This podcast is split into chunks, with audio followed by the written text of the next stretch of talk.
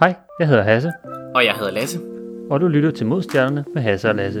Det her er podcastet, hvor to rumnørder snakker om nyheder inden for rumfart, astronomi og alt derimellem. Så lad os, øh, hvad skal vi snakke om i dag?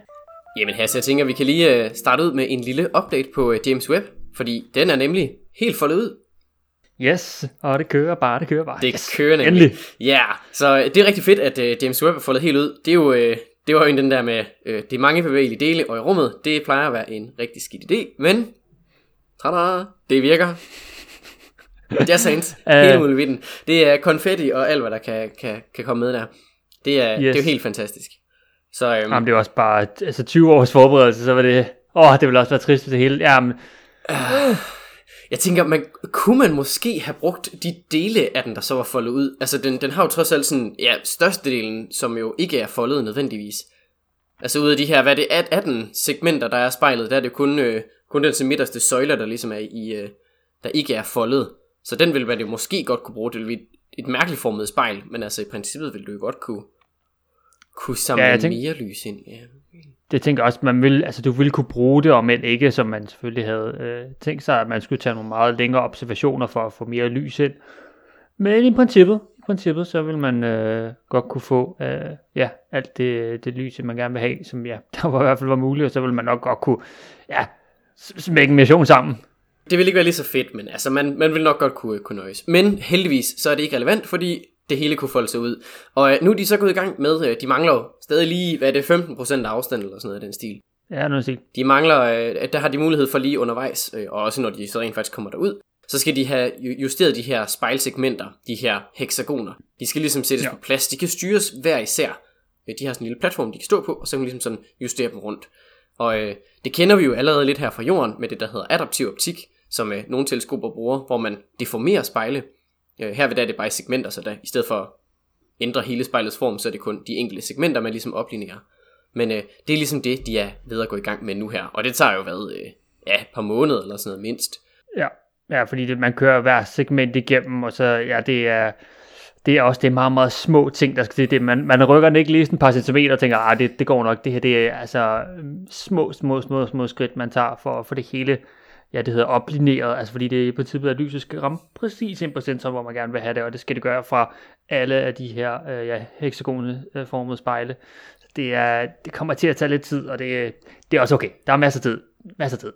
Der er nemlig masser af tid, så heldigvis så er det ikke noget, der sådan, øh, ja, haster, om man vil. Men altså, øh, det, det har de, øh, ja, de er sådan næsten halvvejs igennem. Ah, måske mere en tredjedel, 40%, men der er en del spejle, der lige skal, skal justeres på plads, sådan lige den grove justering. Og så skal de jo så ja, i gang med den lidt mere finjustering, når de rent faktisk kommer ud til L2. Så øh, går de jo nok i gang med nogle af de her, ja, vi kaldte dem Engineering First Lights sidste gang, de her de bliver nok lidt grynet, de her billeder, af, af hvad de nu tager billeder af, så skal de ligesom prøve at, få dem til at stå skarpt. Og Ja. ja, øh, ja det, det må vi se, hvordan det bliver. Jeg håber lidt, ja. de laver sådan en timelapse. Det var ret fedt egentlig. Uh. Altså hvor de sådan, så ser man ligesom, her er det første billede, vi tog overhovedet. Prøv at se, hvor grimt det er. Og så, som de så justerer længere og længere ind, jo, jo, hvis man siger, jo mere skarpt det så kommer til at stå. Ja. Det kunne være ret fedt, Og de de sådan små detaljer og sådan noget. Ja. Ja, det ligesom dukker op. Det kunne være ret sjovt.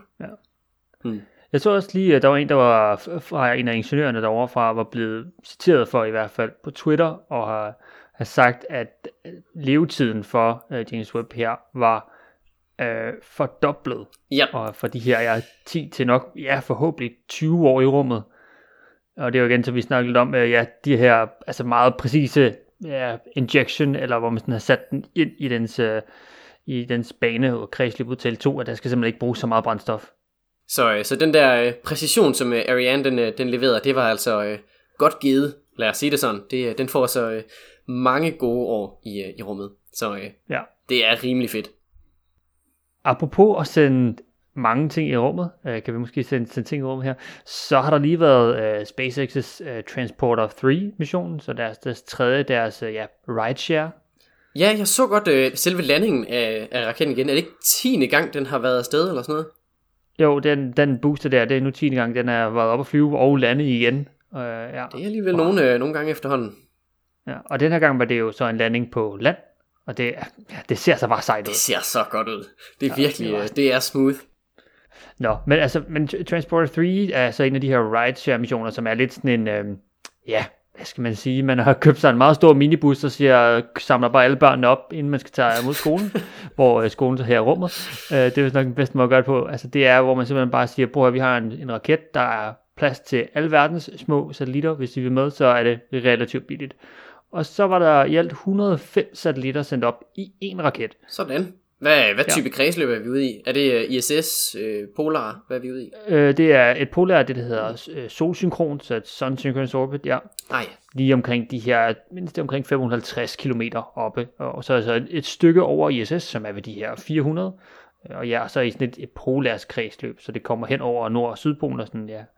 Faktisk er det sådan lidt, øh, det er i typisk i 97 graders inklination, det vil sige, det er ikke, de lige over polerne, det er faktisk lidt man sige, lidt over polerne, man kan sige, mere end man lige har regnet med, så den kører faktisk næsten en retrograd af ens, øh, man sige, øh, med en normal bane rundt om jorden, fordi den kommer op over Nordpolen, hvis man kan sige sådan.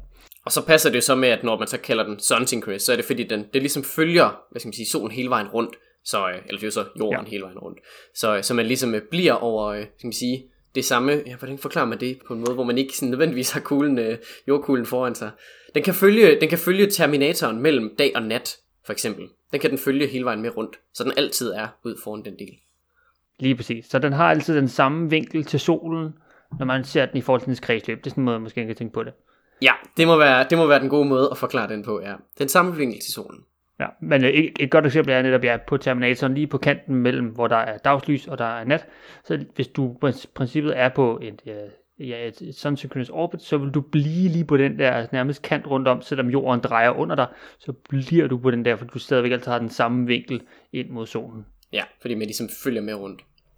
Yes, lige præcis. Hvad slags satellitter var der så med ombord? Var det sådan øh, store, øh, hvad hedder sådan noget, værsatellitter, eller var vi ude i noget mindre? Jamen, ja, førhen der har der jo været på de her rideshare, så har de både været Starlink og så en masse småting. Øh, her var det bare en masse småting. Øh, så det har været alt fra CubeSats, de her små øh, satellitter, der er 10 x 10 x 10 cm i sådan nogle units, så kan man sætte flere units sammen og lave en større CubeSat. Så var der også Pocket Cubes, og ja. de er jo, ja, om end en lillebror er nok den bedste måde at beskrive det på til de her CubeSats.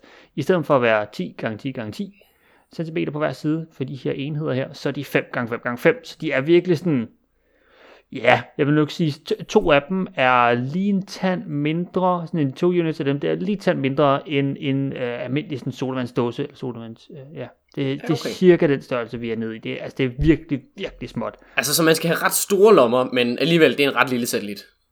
Ja, ja, lige præcis. Så, øh, men dem, de er nu og lige så stille også begyndt at få, fordi igen, det er lidt sådan en, en standard enhed, ligesom CubeSats er 10x10x10, så Pocket Cubes 5x5x5. Så, så der begynder nu at være sådan et lille bitte marked for, hvad man siger, små, meget lette satellitter, og fordi de er lette, så er de billige at sende op, fordi alting, når man skal sende ned i rummet, så er det per kilo. Oh, yes. Det er ligesom, hvis man er nede og, hvad med jeg, købe øh, slik ned i fredagsslik, så er det også per kilo. Her er det bare lidt noget andet. Jeg tænker, det, det, jeg håber ikke, du køber for så meget til øh, dit blandt slik til fredag eller lørdag. Det, øh, det er som regel lidt en anden prisklasse, bare sådan. Måske ikke, du skal ikke købe så meget slik. Men øh, i, i hvert fald så, ja, CubeSats, Pocket Cubes, andre ja, små satellitter i de her et par kilo størrelser, og så også øh, en enkelt, ja det hedder en, en Space Tug, øh, TUG, det er typisk så det er sådan en, en, ja, en mindre satellit med satellit inde i sig, som typisk skal sætte de her små satellitter i et andet kredsløb, end de er kommet op i. Okay, så sådan en, øh, en, en øvre stadie til ligesom at, at justere kredsløbet? På en måde, ja, men det er så bare typisk en lille satellit i sig selv og så er der så små satellitter indeni, så hvad hvis jeg tager en, en, tager en bil med i din store bus, så kan man lige sætte den, og så kan den typisk tage den ned. Det er typisk i et lavere kredsløb, fordi det kræver rigtig meget jeg vil sige, energi at skulle skifte et helt kredsløb ud over op i højde eller længere ned. Ja. Så det, det er typisk længere ned, man sætter. Alright, hmm, smart. Og, og ideen er jo, at, at, at, at SpaceX tilbyder de her uh, ja, rideshare transporter missioner, så fordi det er en del billigere, Øh, typisk når, når man skal ud, så skal du, ja, så, så, så ligger du per kilo. Øh, men når man er så mange sammen her, så er, er der simpelthen så mange, der kan betale ind, så hvis alle bare betaler en lille smule ekstra, i forhold til hvis man nu selv skulle øh, op på en af de her store missioner, hvor der var en, en stor primær passager, og så kunne man få nogle andre på, så, øh, så er det her lige en lille tand billigere, og alle kan få lov til nærmest at komme med, fordi der er et hav af forskellige ja, udsendelsesmetoder, så det handler bare om, at ja, du skriver bare og spørger, hey, kan jeg få booket en plads? Og så siger det kan du sagtens. Så det er satellitopsendelsens svar på crowdfunding. Det er lidt, ja, ja, det kan man godt sige. Ja. Jeg tænker, det må være den mest sådan passende analogi her. Ja. Hmm. Alright. Men smart, at, Ja. det så, øh, at det så kan... Altså 105 satellitter på én gang, det er altså også en, øh, en ordentlig omgang. Damn. Og, og selvfølgelig, øh, så for god ordens skyld, så bliver det selvfølgelig ikke bare sådan, det er ikke bare en stor rød knap, og så bliver alle sammen sendt ud på samme tid. Jeg tænker, det er ikke bare spredhavl, hvor man sådan siger abort, og så, så ryger de alle sammen ud af det hele. Sådan lidt, lidt organiseret forhåbentlig. Ja, lige præcis. Okay. Okay. Det, bliver, det, var, det var faktisk rigtig fint på uh, SpaceX, øh, man siger, på deres opsendelsesvideo, når man ser den, så er der for hver udsendelse, så er der lige sådan en lille tekst, så man kan se, okay, nu bliver jeg sendt noget, nu bliver jeg sendt noget, og så typisk så bliver de sendt ud kort tid efter hinanden, men i forskellige retninger, så for eksempel på toppen, og så i bunden bliver der sendt ud lige kort tid efter hinanden, så man ved, at de ikke lige støder ind i hinanden. Ja, fornuftigt nok at øh, lige være sikker på, at de ikke lige øh, crasher ind i hinanden umiddelbart efter deployment. Det er lidt, lidt ærgerligt, tænker jeg sådan. Åh, ja, den er endelig i rummet, og så slask. Ja, Ja. der vil jeg godt nok være en lille smule bitter. Ja, men der er i hvert fald øh, 105 altså lige nu så udsendt øh, ja, succesfuldt ud i rummet. Så er selvfølgelig det, om de alle sammen virker. Det plejer de at gøre, men der er selvfølgelig en eller to, der typisk altid ikke lige, ikke lige fungerer fra start af. Ja, det, det er set før, der, der lige, øh, der nogle gange går lidt tid fra, fra de er blevet øh, udsendt til, de rent faktisk også øh, fungerer. Så ja, det var endnu en øh, succesfuld transportermission der, og forhåbentlig kommer der nok ja, flere, flere ud i fremtiden, fordi der er jo, øh, ja, der er altid en masse, der gerne vil i rummet. Vi kan gå fra et emne over til et, øh, et næsten fast segment efterhånden, som jo er øh, brevkasse med Hasse og Lasse. Vi har nemlig fået et øh, brev fra en, en lytter. Det er Morten, som skriver ind. Han har skrevet ind til os før også. Og han skriver, Hej Hasse og Lasse. Godt nytår. Jeg har prøvet et stykke tid at forstå, hvordan man måler afstanden til stjerner. Måske I kan forklare det i journalistsprog i gåsøjne. Og hvad er der lige med stjernen Methuselah, som anses for at være fra universets oprindelse eller deromkring? På genhør, Morten Glenskov. Det var mig med noværende. Så øh, der er lidt to spørgsmål. Jeg tænker, vi tager den øh, opdelt. Så øh, vil du starte med noget med afstanden? Jeg har måske også lidt at byde ind med der. Så ja, afstanden til stjerner, det er jo det er lidt bøvlet, men vi har fundet nogle gode metoder at gøre det på. Ja, så sådan, man, man, man kigger jo ikke bare sådan og siger, at der er 12 lysår eller et eller andet, eller sætter en stor lineal op. Det er lidt, øh, lidt upraktisk, så, øh, så man, man finder nogle lidt indirekte metoder. Lige præcis. Uh, vi har blandt andet en, uh, en satellit, som er i kredsløb rundt om jorden, der hedder Gaia. Uh, bliver sendt op her af ESA, og, og ideen er, at den sige, måler afstanden til stjerner ved hjælp af det, der hedder parallaxe. Og måske den sådan, bedste måde i sådan journalistsprog, om man vil, det vil nok være, at man måske kan tænke på, hvis du strækker din arm ud foran dit hoved, øh, foran dig, og så tager du, og så lukker du det ene øje, og så lukker du det andet øje, og så skifter du mellem, og så kan du se, at der er sådan en, en skift i din fingers position, at den ændrer sig lidt i dit syn. Og på samme måde, så fungerer Gaia sådan, at når den er på den ene side af jorden, så kan den tage tegne et billede og kigger ud på stjernerne. Så når den kommer over på den anden side af jorden, så kommer den er jo ligesom i kredsløb, så tager den et billede af de samme stjerner, og så kan den se, hvordan vinklen har ændret sig. Hej, Klippehasse her. Hasse var lige lidt for hurtig i podcasten og nævner, at øh, Gaia kommer rundt om jorden. Det gør Gaia også. Men øh, Gaia skal altså rundt om solen. Det er, når vi er på den ene side af solen, og så seks måneder senere, når vi er på den anden side af solen. Tilbage til podcasten. Og så med meget ja, simpel trigonometri, så altså ja, det er det cosinus og sinus, så kan du simpelthen finde ud af, hvor lang afstanden er ved hjælp af Gaia. Og det er Gaia uhyre god til. Altså virkelig god. Der har været, der er de her ja, Gaia data releases, som er, hvornår Gaia så har taget en masse forskellige billeder, regnet på en masse forskellige stjerner, og så kommer de ned, og så bliver de sådan givet ud til alle forskerne, der sidder nede på jorden. Og så jeg ved, at jeg har været på Aarhus Universitet, der sidder de nærmest sådan, det er klar, de sidder der, okay, er vi alle sammen klar, alle klar, og så er det 3, 2, 1, og så når de kommer ind, så bliver der bare, ja, loaded med stjerner, og det er typisk i milliarder af stjerner, vi snakker om, der kommer ind. Det var sådan en lille festdag der ved, øh, var det ikke øh, Gaia Release 2, tror jeg, var det ikke Jo. omkring øh, 17 eller sådan noget den stil. Der kan jeg huske, der var de ret, øh, ret op at køre over det. Det er, øh, Ja. det var, øh, ja, hvad, det var en milliard stjerner eller sådan noget, der blev, der blev udgivet data for. Det var helt åndssvagt. Det er, øh, det er den største sådan, survey af de her, øh, altså de her parallaxemålinger. Tidligere der har man haft en, der hed Hipparcos, som også var ret stor. Øh, og så før det, så har altså, enkelte astronomer har jo ligesom sådan siddet og målt på enkelte stjerner. Men de her Hipparcos og Gaia er altså nogle af de første til ligesom skal vi sige, hvor man gør det sådan på hele himlen, og det er sådan et stort felt af, af stjerner, man ligesom bruger. Og, og Gaia så, øh, ja, det er vel egentlig hele himlen, den er i gang med. Ja, lige præcis, og det, der kommer simpelthen bare til at være altså, stjerner og stjerner og stjerner, altså milliarder af stjerner. Jeg ved ikke, der er Early Data Release 3 er kommet ud nu, mindes jeg, men når Data Release 3 kommer ud for Gaia, altså det igen, det bliver bare, ja, milliarder, milliarder stjerner, som, og det er også uhyre præcise målinger, altså det er virkelig godt. Udover den her parallaxemåling, som nok er sådan den, ja, det er nok en af de mere sådan direkte metoder til ligesom sådan at se, okay, at stjernen der ligesom sådan ser ud til at, at flytte sig, som, som tiden nu går. Så kan man bruge øh, sådan vel, lidt længere ud i afstand, så, øh, så bruger man det der pulserende stjerner, eller variable stjerner. Øh, der er et par forskellige typer af stjerner. Ikke at vi skal dykke for meget ind i det, men sådan, de mest kendte er nok dem, der hedder RR Lyra-stjerner, og så er der Cefider. Og det er så stjerner, som, som ligesom varierer i lysstyrke, og det gør de ved meget bestemte sådan, skal sige, frekvenser afhængig af den her lysstyrke, de så kommer op og opnår.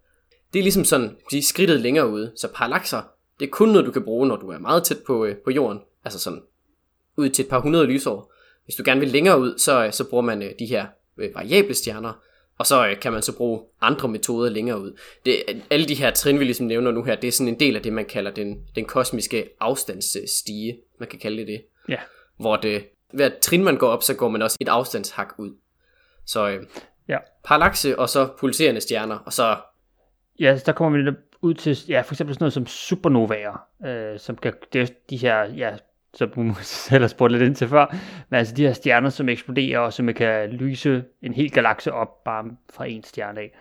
Og, og ideen med det er, at nogle af de her supernovaer, de her supernovaer type 1A, de eksploderer altid ved den, det er den samme mekanisme. Det er en, en hvid dværg, som får noget masse over fra en, ja, en typisk en kompagnonstjerne, altså i sådan et, et binært system, så kommer den, den hvad man sige, dens ven kommer til at blive lidt for stor og vokse sig op, og så kommer simpelthen massen, der bliver suget over på den her lille bitte hvide dværg. Og ved lige omkring 1,4 solmasser, når den simpelthen har fået øh, den må sige, så meget vægt, at den nu kommer til at veje det, så, er, ja, så eksploderer den simpelthen i sådan en supernova her. Og ideen er, at det er så, fordi det altid er den samme mekanisme, ved den samme masse, de her 1,4 solmasser, så kan man bruge dem med en vis kalibrering, til at lave dem som et standardlys. Så vi ved præcis, hvor meget lys der kommer ud af sådan en eksplosion her, og hvis vi så ved, at hvor meget jeg vil sige, den lyser op ved en afstand, så hvis vi så sige, ah, vi ved, at den lyser så meget op, men hvis den så lyser mindre op, så er det så fordi, den er længere væk, og fordi vi ved sige, præcis, hvor meget det er, så kan vi også sige, hvor meget længere væk den er, med jo, jeg sige, jo mindre lys vi ser fra den. Så det, det er sådan en, hvor vi kommer rigtig langt ud på de her, for igen fordi de kan lyse op, altså fra en hel galakse, øh, kan de her supernovaer lyse op. Hvis man skal endnu længere væk, så bliver man nødt til at bruge nogle, øh, nogle lidt andre metoder. Øh, jeg ved ikke helt, om vi skal så meget ind i dem. Men øh, de, de tre, vi nu har nævnt her, det er sådan de mest almindelige, hvis man vil. Øh, så findes der et hav af andre metoder. Planetary Nebula Luminosity Functions, Globular Cluster Luminosity Functions, øh, Surface Brightness Functions. Der er en hel masse relationer, man kan bruge, som opkaldt efter forskellige folk. Tolly Fisher og Faber Jackson er to eksempler. Øh, de bygger alle sammen ja. på en hel masse sådan, ja, empiriske modeller, man vil. Hvor der ligesom har siddet nogen og så tænkt, oh, vi ved, hvad afstanden til den der galakse er. Og så sidder de og prøver at undersøge, okay, men er der en eller anden relation mellem, hvor lysstærke deres kuglehåb er. Og så prøver de ligesom at bruge det til et eller andet. Og så finder man ud af, at der er rent faktisk relationer mellem nogle af de her ting. Og det kan man så bruge til at ligesom vurdere afstanden med, med andre metoder end blot at, at kigge på, ja, for eksempel pulserende stjerner. Og det kan være rart at have skal man sige, to forskellige uafhængige bud på, på det samme tal. Så får man nogle gange nogle lidt bedre, øh, nogle bedre vurderinger af, hvad den reelle afstand så egentlig er. Lige præcis. Fordi altså, det er rigtig fint at have en metode, men jo flere du kan have, jo mere sikker er Fordi i starten, og især når man så kan finde ud af, hvordan pokker man skulle måle afstanden ud til de her ting, så var man lidt, nogen fik en værdi, nogen fik en anden værdi, men når man begynder at få mere og mere evidens for, hvordan de her, for eksempel ja, nogle af de her relationer hænger sammen, så kan du meget nemmere få et, øh, en god idé om, hvor langt ud der er.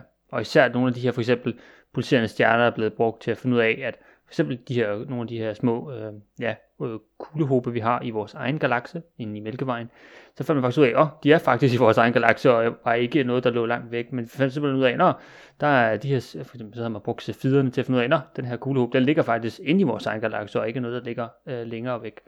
Så der er sådan nogle, ja, masser af små, sjove måder, man kan finde ud af på, men ja, de her tre, altså ja, Gaia med parallaxe, supernova, og så de her pulserende stjerner, det er det, man bruger sådan, allermest. Men der er selvfølgelig alle de andre metoder er også øh, rigtig gode at bruge. Ja, jeg vil sige, der er nogen, der så er, er bedre end andre, men det, øh, ja, det skal man heller ikke komme ind på. Det, ja. det, det, der er nogle af dem, der er noget mindre præcise og, og sådan noget, men, men overordnet set kan de alle sammen bruges på en eller anden led, til ligesom at, at vurdere i hvert fald afstand sådan nogenlunde. Så. Yep. Og i uh, relation til dit, uh, dit, den anden del af dit uh, spørgsmål her, om uh, Methuselah, den her enormt gamle stjerne, så, uh, så har jeg faktisk været inde og finde uh, en artikel, bare lige for at være sådan helt sikker. Og øh, det er en artikel fra sidste år, af to australske forskere, hvor de laver noget, øh, noget simulering øh, gennem MESA, som vi måske har nævnt før, håber jeg i hvert fald. Det er sådan et program til ligesom at simulere stjerner. Og der har de prøvet at simulere den her stjerne her, og kommet frem til, at det nok er lige om en af 12 milliarder år gammel, plus minus øh, et halvt milliard år. Så øh, ifølge deres, øh, sådan, ja, det er en af de bedre øh, sige, vurderinger af, af alderen, der, der virker det så til, at den ikke er ældre end universet selv, men øh, den er dog pænt gammel. Og øh, de, ja. de her, hvad skal man sige, øh, idéer om, at den måske er ældre universet, det, det kommer simpelthen af, at, at man, nogle af de her tidligere vurderinger, der er man nået frem til, at den er omkring 13, 13,5 milliarder år gammel. Og det er jo lige omegnen af universet. Hvis man så tænker, tager den positive side af usikkerheden med, så ender man jo på ældre end universet. Og det kan godt skabe lidt forvirring, men øh, i virkeligheden så er den jo nok ikke ældre, men bare meget, meget gammel. Ja, det er præcis. Så det er de her ja, usikkerheder, for der er jo altid en usikkerhed på en måling, at så hvis man tog på den ene side, så kommer der altså jamen, ja, nærmest ja, lige omkring øh, universets oprindelse, eller lige en tand over. Øh, og det, ja, det er simpelthen bare det. Ja, det er det, man er endt med her sandsynligvis. Så, øh, men øh, den er enormt gammel, og det er en af de ældste stjerner, man overhovedet kender. Så øh, på den led er den lidt sjov, men, øh, men den, er altså ikke, øh, den er heldigvis ikke ældre end universet selv. Det vil være meget underligt. I hvert fald, der, der er lidt at forklare der så. Ja, man skulle lige, øh, hvad, hvad foregår der lige der så? Men øh, nej, den er, øh, den er bare meget, meget gammel. Så Methuselah giver fin mening med ham den gamle fra Bibelen. Så tusind tak for dit, øh, for dit spørgsmål, Morten. Det, er, øh, det var fedt lige at, at høre og øh, få lov at svare på, på spørgsmål om øh, gamle stjerner og øh, ja, journalistforklaringen på, på, hvordan man måler afstand, når man vil. Det, øh, det var rigtig fint. Og fra øh, brevkassen, så kan vi jo hoppe over i, øh, ja, de, øh, de sædvanlige nyheder. Der er nemlig øh, kommet en, øh, en, ja, en anden artikel, som, øh, ja, vi kan godt lide artikler i det her afsnit, det er måske temaet. Der, øh, jeg har nemlig læst en, øh, en kort artikel, som er kommet i øh, Nature Astronomy, en af de sådan helt store øh, journaler her. Og øh, der er det hold forskere, der har fundet en, øh, endnu en kandidat til en øh, exomåne. Det var det samme hold, som øh, ja, for noget tid siden fandt den første kandidat, og nu har de så fundet en til, og den her gang der er de altså endnu mere sikre end sidste gang. Okay, det lyder vand. Altså, det er jo en, altså, det er en måne om en anden planet, om en anden stjerne i solen. Yes, lige præcis. Øh, så på engelsk er det øh, exolunar bodies, øh, eller exomoons, afhængig af hvad man lige vil. Så exomoner, I suppose. Og det er altså, det er altså noget, man ikke rigtig har haft set før. Man, man fandt en her for, for noget tid siden, en kandidat. Det skal jo siges, man har ikke skal man sige, bekræftet det endnu. Og det samme med den her, den er heller ikke bekræftet, men det er en kandidat til det, og de er meget sikre på den her. Øh, de er nede i, øh, jeg tror det var 99,5 procents, øh, procents sikkerhed, de ligesom er, er sikre på, at den her den rent faktisk eksisterer. Så øh, man har taget data fra øh, Kepler, et af de her ældre teleskoper, som for et par år siden desværre brød sammen, øh, som har brugt fotometri til ligesom at kigge på et lille felt af stjerner. Og der har de så hvis man sige, søgt i det her kartotek af observationer og fundet ja, cirka 70 kandidater, og så har de ligesom prøvet at sortere rundt i dem og se om de kunne finde noget. Øh, og der har de faktisk fundet en, øh, en glimrende kandidat, nemlig Kepler 1708 og dens planet B, som det så hedder. Og, øh, og der har man så fundet en, øh, et objekt, eller et muligt objekt. Det er sådan lidt, lidt sjovt.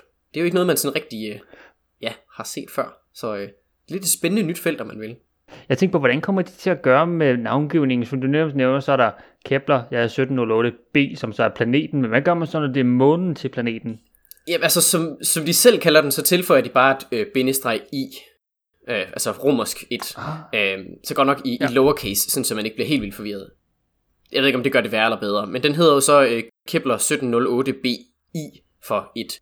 Og så hvis man så finder flere måneder, så går ud fra, at de bare tilføjer flere, så bliver det II for to eller fire, eller whatever, altså man kører den, den romerske ja.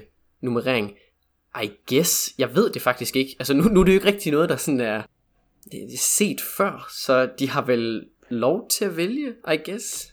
De kan finde på deres egen måde at gøre det på. Ja. Det, det går jo ud fra, jamen altså, ja. det, det, er jo ikke, der er ikke rigtig en standard for det endnu, fordi vi simpelthen kun har, altså vi har kun to kandidater. Så, øh, det er lidt øh, et, en ny sjov ting. Men øh, planeten, øh, den er cirka i samme afstand, som Mars er fra, fra solen, så sådan halvanden AU, sådan cirka.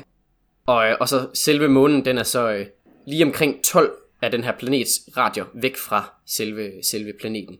Øh, planeten, den minder ret meget om Jupiter i størrelse og vægt, og månen, den er sådan lidt mindre end Neptun. Så øh, det, er, det er en ret stor måne, om man vil. Jeg tror næsten, man kan kalde det et binært planetsystem, når de er så store. Ja, det, det, det lyder godt nok som, de er ja, et eller andet, et, et, et sjovt forhold.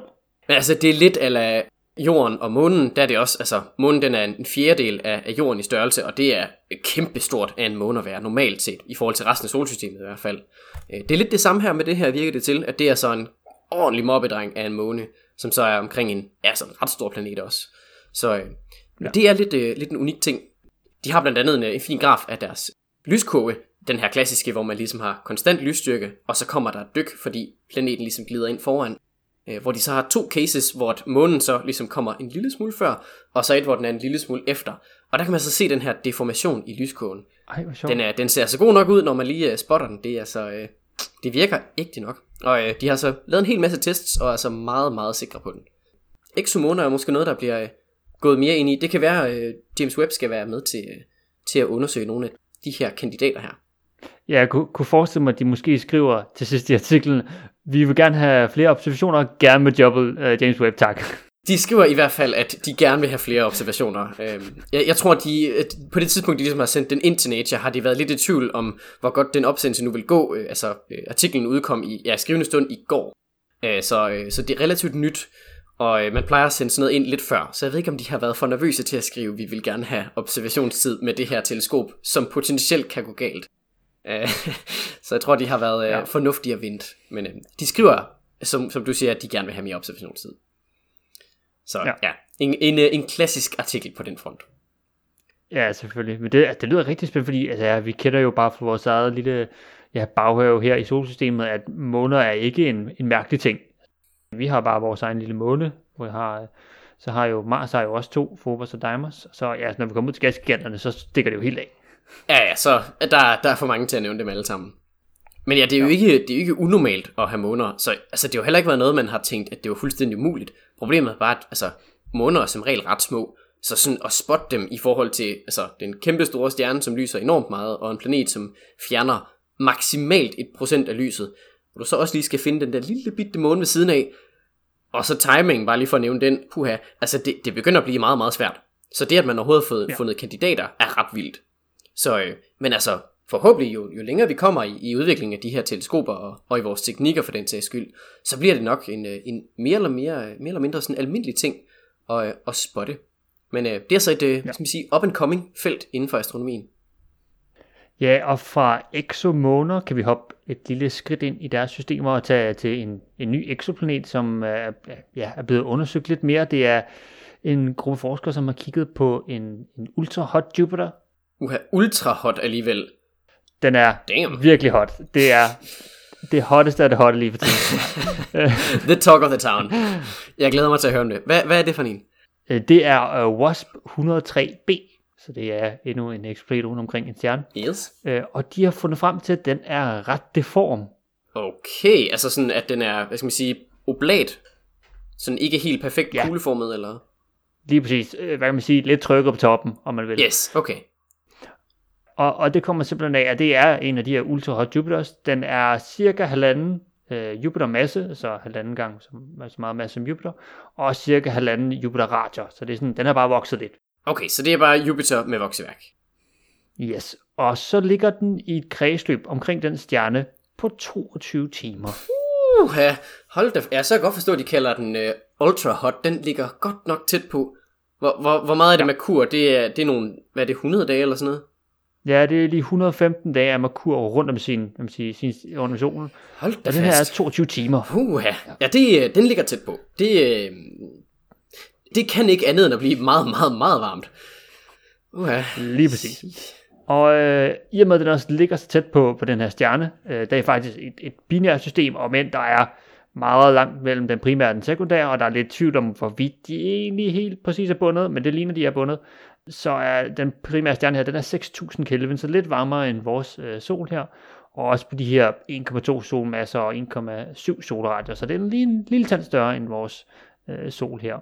Og der ligger den her planet altså så tæt på, at ud fra de målinger, de har, det er ikke sådan direkte målinger, hvor man kan se, at den er blevet simpelthen skvist sammen her. Men igen, lidt på samme måde, så har de brugt øh, Keops, øh, som er en, endnu en satellit, som er i kredsløb. Og så også, ja, gode gamle øh, Hubble Space Telescope, Oh yes. øh, samt øh, Spitzer.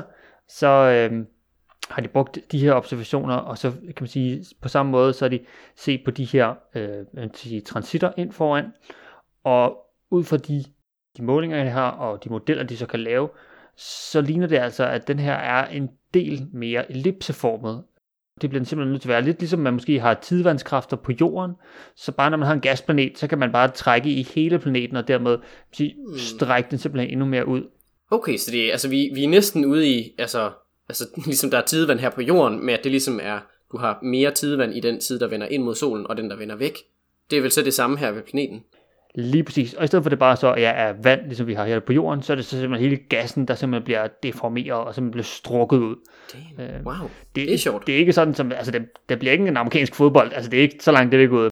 Men uh, man kigger på sådan et parameter her, som hedder, ja det hedder the love number. Er det hvor kærlig den er, eller nej? ja, mm, Hmm. ja, nej, det, det, det er en, en person, der hedder love til efternavn. Ah, okay. Ja, ja så, så får man ting opkaldt efter sig. Som er sådan en, en beskrivelse af, hvor villig planeten er til at ændre form i forskellige retninger. Okay, altså sådan, hvor, hvor øh, blød den er, øh, hvis man kan kalde det det. Det, det, det kunne man godt. Ja, det, det er måske i journalistsprog, hvor blød den er. Øhm, Okay, ja. yes. Og, øh, og ud fra man finder den, så ligger den på lige omkring 1,6. Det har man, man har måske ikke lige nogen idé om, hvad, hvad 1,6 hvad betyder. Det er også det er en parameterløs værdi, så den har ikke den, den, den er bare 1,6. Okay, så det er ikke noget med joules per kvadratsekund eller et eller andet åndssvagt. Det er præcis. Men for at give det noget kontekst, så er Jupiters lige på omkring 1,5. Og typisk jo mere den er, jo højere værdien er, jo, jo, jo mere villig er den. Så det giver lidt en idé omkring den sådan interne struktur af den her planet. Den minder altså meget om Jupiter. Og hvis du tog Jupiter og placerede så tæt på en øh, stjerne, øh, så vil du se de her øh, def- øh, deformationer af den.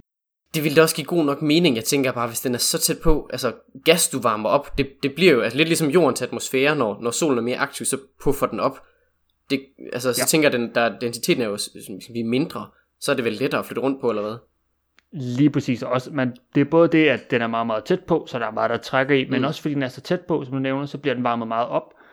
Og når ting bliver varmet noget op, især gasplaneter, så puffer de sådan op, fordi de simpelthen bliver nødt til at øge deres, deres densitet falder, så deres tæthed falder, så den bliver simpelthen skubbet ud i, og bliver til en teknisk set en større planet. Ja, uden at veje mere jo, ja. Ja, lige præcis. Men simpelthen, og det gør det så endnu nemmere, fordi nogle af de her partikler så kommer endnu tættere på, på den her øh, stjerne, de kredser omkring. Mm-hmm. Så det er altså, ja, en helt ny måde måske at tænke på, at, at nogle af de her øh, ultra Jupiter, som er så tæt på, de bliver så nu også strukket ud, og det begynder man nu at kunne se øh, ja, evidens for. Det er meget sjovt. Altså, det vil igen heller ikke som sådan en ting, man sådan tænker, wow, det her det er bare mega nyt. Det giver jo egentlig ret god mening, når man tænker over det. Altså, Mm. en, stjer- altså en, Ja. planet, der er så tæt på sin stjerne, vil blive strukket på en eller anden led, og specielt når den så er lavet af gas, så giver det ret fin mening. Men det er da helt vildt fedt, at man sådan rent faktisk nu kan, altså, det er meget tydeligt her. Det er jo, det er jo ret Ja. ja. fantastisk. Øh, der er så også bare det, at som det ser ud lige nu for de målinger, de har, så ligner det også, at planeten er på vej mod et større kredsløb, altså væk fra stjernen, hvilket er typisk ikke det, man ser. Typisk så spiralerer de ind mod stjernen. Ja, Hot Jupiters i hvert fald. De vil tit gerne, gerne tættere og tættere på, ja. Ja, lige præcis. Men det, det ligner, at den er lidt på vej væk, og man tror måske, det skyldes den her, øh, ja, i, i og med den stjerne her er et binært system, at der er lige lidt, der trækker fra øh, den her sekundære, og det kan godt være, at det kommer til at ændre lidt, så den her planet, i stedet for kun at spirale ind, måske står og rokker lidt Hmm, øh, i, sin, okay. i sin bane. Og det, er- det er lidt sjovt. Hvordan ender de så også øh, med at sige noget med øh, observationer med et nyt sejteleskop kunne være cool, eller sådan noget? Der bliver specifikt nævnt, det vil være rigtig fint med flere observationer, især at James Webb Space Telescope vil rigtig meget kunne hjælpe på det. Ja, det, det undrer mig egentlig heller ikke. Jeg tænker, det giver, giver ret fin mening, når øh, man har sådan et stort infrarødt teleskop, og så kunne bruge det til, øh, til at kigge på, på det her. Det ville da ja, være helt perfekt. Så ja, altså en, øh, en, de her Ultra Jupiters er nu begyndt at blive lidt lidt hotte her for tiden, Det, og ja, ja. det kommer nok til at blive endnu hottere i fremtiden. Altså, øh, Hot Jupiters har jo i hvert fald på AU været et enormt hot emne, og øh, ja, altså hvis øh, der er andre, der, der begynder at synes, de er, de er nice, altså øh, det er et øh, super spændende, og altså det, det gode ved det, det er jo, de er så lette at observere, altså de, 22 timer per, per kredsløb, du får den jo se hele tiden. Det er fantastisk. Lige præcis. Det er, det er jo de her transits, vi gerne vil have mange af, og det er derfor, altså, man har fundet mange Hot Jupiters, og det er ikke ens betydende med, at der er mange af dem. Det betyder bare, at de er meget lette at se, fordi de er store og tæt på. Hvorimod sådan noget som ja, jorden, den er jo kun en gang inden foran sin, øh, sin stjerne, en gang om året fra en eller anden givet perspektiv. Så øh, det, er, det er noget, øh, man skal være noget mere tålmodig for at se de her, hvad skal man sige, altså jordlignende planeter og så videre. Så, øh, ja. så derfor så er de altså lette at få øje på. Men øh, det er jo også sjovt at undersøge sådan nogle lidt øh, outliers. Det er lidt, øh, lidt interessant alligevel. Ja. Men øh, jeg tror ikke, vi har så meget mere til jer i den her uge. Tusind tak, fordi I lyttede med. Hvis du har nogle ris, ros, ting, vi skal snakke om, spørgsmål om øh, stjerner og planeter og måner, så kan du altid sende os en mail til modstjernerne, gmail.com. Du kan selvfølgelig også slide into our DM's, stille os et spørgsmål derinde inde på Instagram, hvor du selvfølgelig også kan følge os. Og så skal du huske, at du kan selvfølgelig også kan følge podcasten på din yndlings podcast tjeneste. Vi snakkes ved næste gang.